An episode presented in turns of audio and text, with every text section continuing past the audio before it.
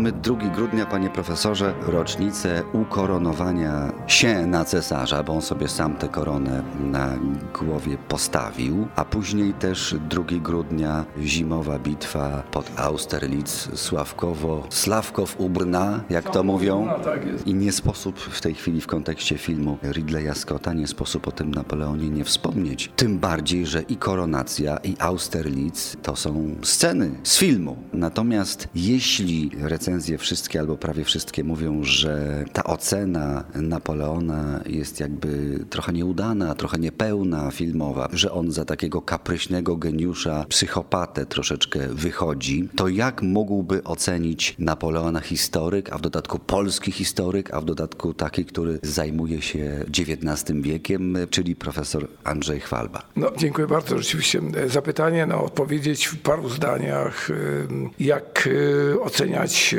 Napoleona, jest prawie że niemożliwe. Ale jedno jest pewne, po tysiącu latach czasu Karola Wielkiego, dokładnie tysiąc lat upłynęło i mamy na tronie europejskim, w historii europejskiej, drugiego wielkiego formatu polityka. Niezależnie, czy będziemy mówili o nim, czy jest e, psychopatą mniejszym, czy w większym stopniu, czy jest kapryśnym dziecko, dzieckiem, czy nie potrafił rozmawiać z kobietami, czy nie doceniał przyjaźni, czy nie potrafił w ogóle mieć przyjaciół. Bo bał się spisku, zresztą było to uzasadnione, prawda? uzasadnione, ale jakby na to nie patrzeć, że on zresztą świadomie kreuje się na następcę Karola Wielkiego.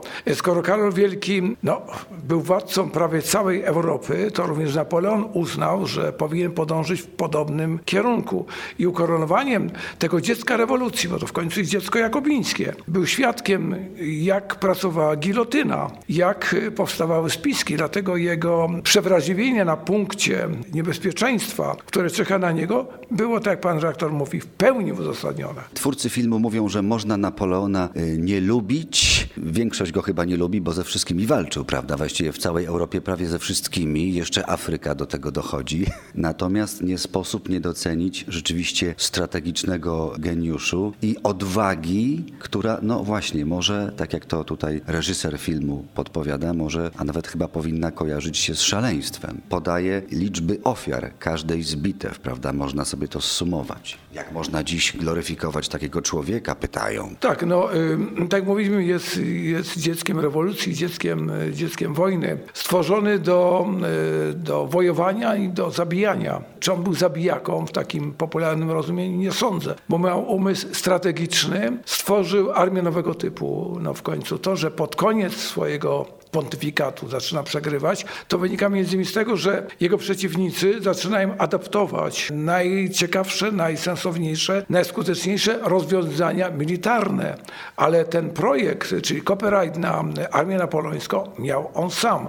Oczywiście on był dziedzicem armii, która zaczyna zwyciężać z armiami feudalnymi Europy, armią pruską i armią austriacką, bo armia francuska była obywatelska, bo on był dzieckiem właśnie, skoro mówimy tu, że jest dzieckiem, dzieckiem konwencji przekonania, że jest przedstawicielem narodu. W imieniu narodu działa, co najwspanialej można było zaobserwować w trakcie koronacji. Natomiast ta największa bitwa, która chyba przyniosła mu nieśmiertelną sławę, czyli bitwa pod Austerlitz, czyli Sławkowem, właśnie 2 grudnia 1985 roku, no była oczywiście majstersztykiem. Coś zupełnie genialnego. Od wielu e, setek lat nie było podobnego rozwiązania. E, mają przeciwko sobie no, nie tyle dwóch cesarzy, bo to nie była e, bitwa e, trzech cesarzy, tylko naprawdę dwóch, bo po stronie e, wojsk austriacko-rosyjskich stał Aleksander, natomiast nie było Franciszka, który się schronił w Wiedniu, prawda, i tam czekał na wiadomość, bo on nie był zbyt odważny i wolał, niech się Rosjanie biją, a ja będę tylko temu sekundował. Także geniusz również ujawnił w konstrukcji państwa. Przecież to jest jego państwo oparte na zasadach równości wszystkich wobec prawa. To była rewolucja wtedy w Europie. Czyli on burzył stare państwo stanowe w Europie. Dlatego miał wielu zwolenników. To nie jest tak, że za nim się tylko ciągnęła ta zła, zła czarna legenda. On tworzył też białą legendę, bo środowiska mieszczańskie, środowiska tworzącej się inteligencji, nowoczesna część szlachty, ona oświeceniowa potężała za nim. Wolności polityczne, aczkolwiek ograniczone, no też zapewniał w jakimś tam stopniu, stworzył kodeks Napoleona. Przecież to dzisiaj, to co jest polskim prawie, w prawie wielu krajów w Europie, mianowicie hipoteka. Często przy okazji sprzedaży mieszkań, prawda, o hipotezę słyszymy, to jest, to jest dzieło Napoleona. Kodeks cywilny. Tak, ujęte w kodeksie. Kodeks cywilny, a później kodeks, kodeks handlowy to jest, to jest dzieło, które do dnia dzisiejszego nie straciło na aktualności. No i pierwszy taki pomysł na świecie. Darmowa edukacja, obowiązkowa dla wszystkich dzieci bez względu na stan, na pochodzenie. Tak, no to właśnie wynikało z tych doświadczeń francuskiej e, rewolucji, e, która była bezwzględna, która była krwawa. E, gilotyna pracowała faktycznie dzień i noc. Jeśli w nocy nie pracowała, tylko w tym celu, żeby, żeby ją jeszcze raz naoliwić, prawie że dosłownie, bo ona musiała być naoliwiona, żeby to sprawnie funkcjonowało. Także po stronie tych plusów, których w filmie nie ma, bo film się koncentruje na, na widowisku, na bitwach, na, na natomiast to, co jest fundamentem, fundamentem współczesnej Europy i współczesnej Francji.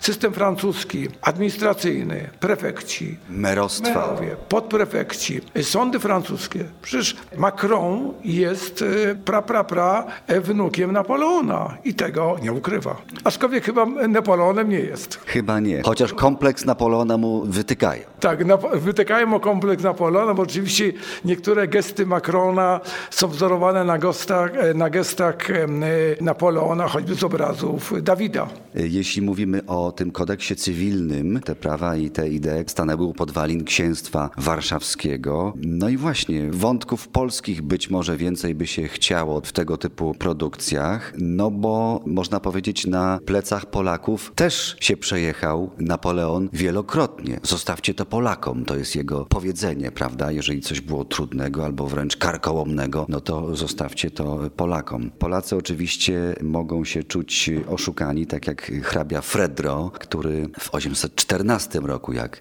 jak został pierwszy raz zesłany Napoleon, to taki wierszyk powstał, że ruszyliśmy w drogę z odmiennych pobudek. Napoleon na Elbę, ja zasie do Rudek, prawda?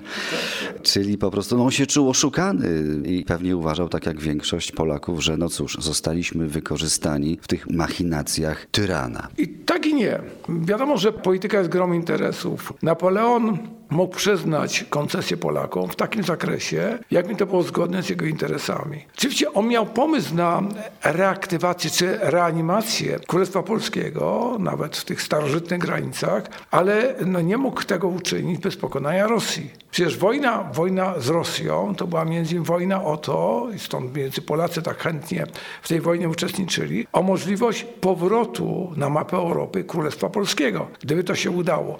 Wcześniej ten pomysł, y, który on przedstawił w Tylży, powołania Królestwa Polskiego, Aleksander I zablokował. Powiedział, że nie będziemy y, wznawiać pojęcia Królestwo Polskie.